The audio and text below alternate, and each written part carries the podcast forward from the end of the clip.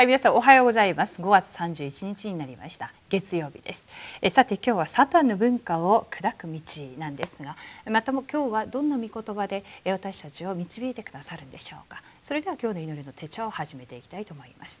はい、聖書は使徒の働き19章8節から20節のうちの20節を読んでいきたいと思います。えこうして主の言葉は驚くほど広まり、ますます力強くなっていた。アメン。はい。サタンは文化を掌握し全世界を食い尽くそうとしています。サタンの文化に陥ると本来自分に合った霊的問題が時間の経過とともに深刻になります。これらを悟らずにいる時大きな障害になり苦しめられます。しかし福音にあって悟るならば大きな祝福の道になります。サタンの攻撃から打ち勝ち私たちが持っている問題に対して答えを見つけるためには何を知るべきでしょうか？はい、皆さんサタンを打ち砕く道ということなんですが一体サタンの文化はどんな文化なんでしょうか？例えば麻薬でしょうか？それとも、えお酒だとかタバコだとかギャンブルだとかまたはみだらな生活でしょうか？え実はサタンは人間と神を人間が神から離れてしまう離れさせてしまったことを作り出しています。私たちがこの世の中のいろんな文化を見ましてもその多様なさまざまな文化の中で実際的にキリストっていう本質の契約さえ握っているならば絶対に私たちは勝利できると思います。では今日の内容キリストの契約を握りつつまた一つずつ見ていきたいと思います。はいさて大きな一番です。必ずすること。サタンの文化に勝つために必ずすることがあります。私たちのすべての問題を終わりにしたキリストの契約を握り最も聖書的で正常的な方法で始めなければなりません。そして自分なりの精霊の満たしを受ける方法を探すことです。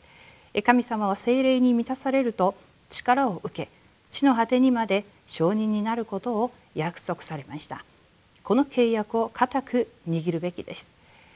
聖書66巻はさまざまな事件や人物やいろんな内容が取り上げられています。しかしこの旧約聖書も新約聖書も実はキリスト福音。この世界福音化という契約を中心に記録されているんですが実は救いを中心に語られたこの御言葉がこのな実際に神様から離れてしまった人間を救うためにこの御言葉が与えられていますけれども実はその契約を回復されるために時代ごとにいろんな契約を与えてまたいろんな事件を通していろんな人を持ち上げて神様は救いの働きをされております。結局サタンは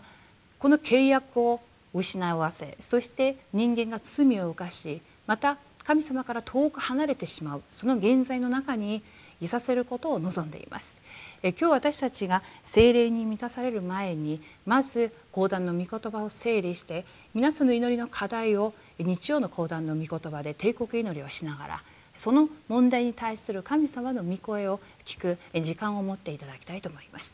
はい、それではまた2番です。感謝すること。私たちが抱えている問題に対してイエス様は答えられました。それは神様が表そうとする技があるためだと言われました。なので問題があっても恨んだり落胆することなく神様の計画を知り誠の感謝を回復することが重要です。また深い祈りの中で精霊の満たしを受けると私たちが持っている問題を主神様は重要に用いてくださいます。パウロは霊的にすごく苦しみましたがキリストに出会い多くの病んでいる者と精霊悪霊に取りつかれたものを癒すことができました。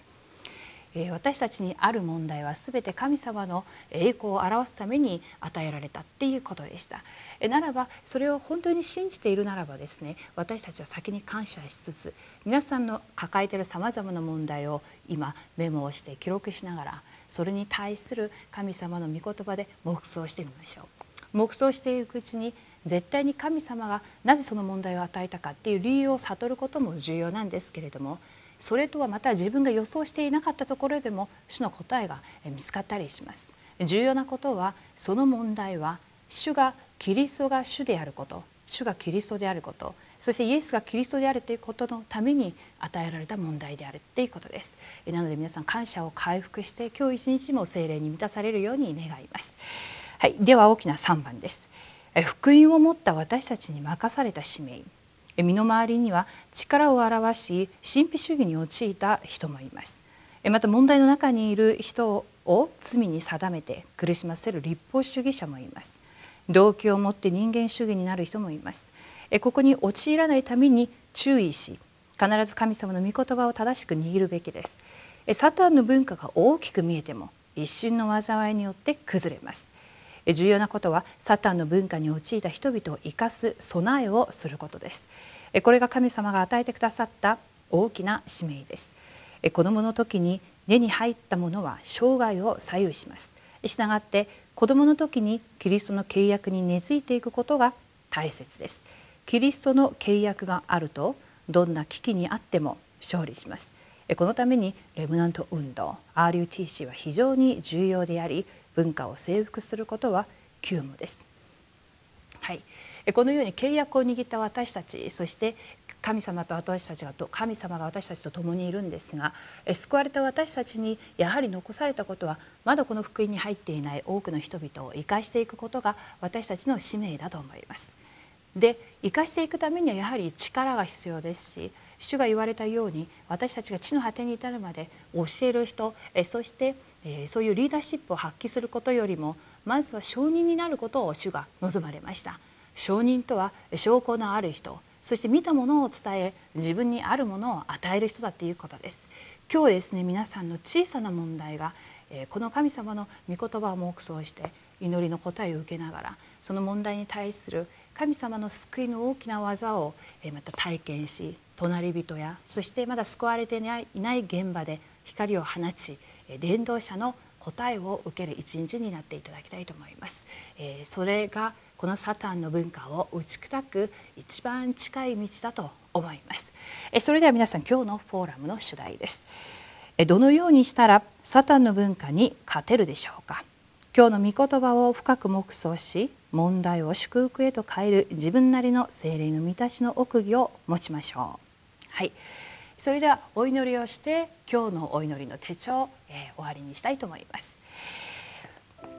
神様感謝します。私たちにサタンに打ち勝てる契約を与えられたことを感謝します。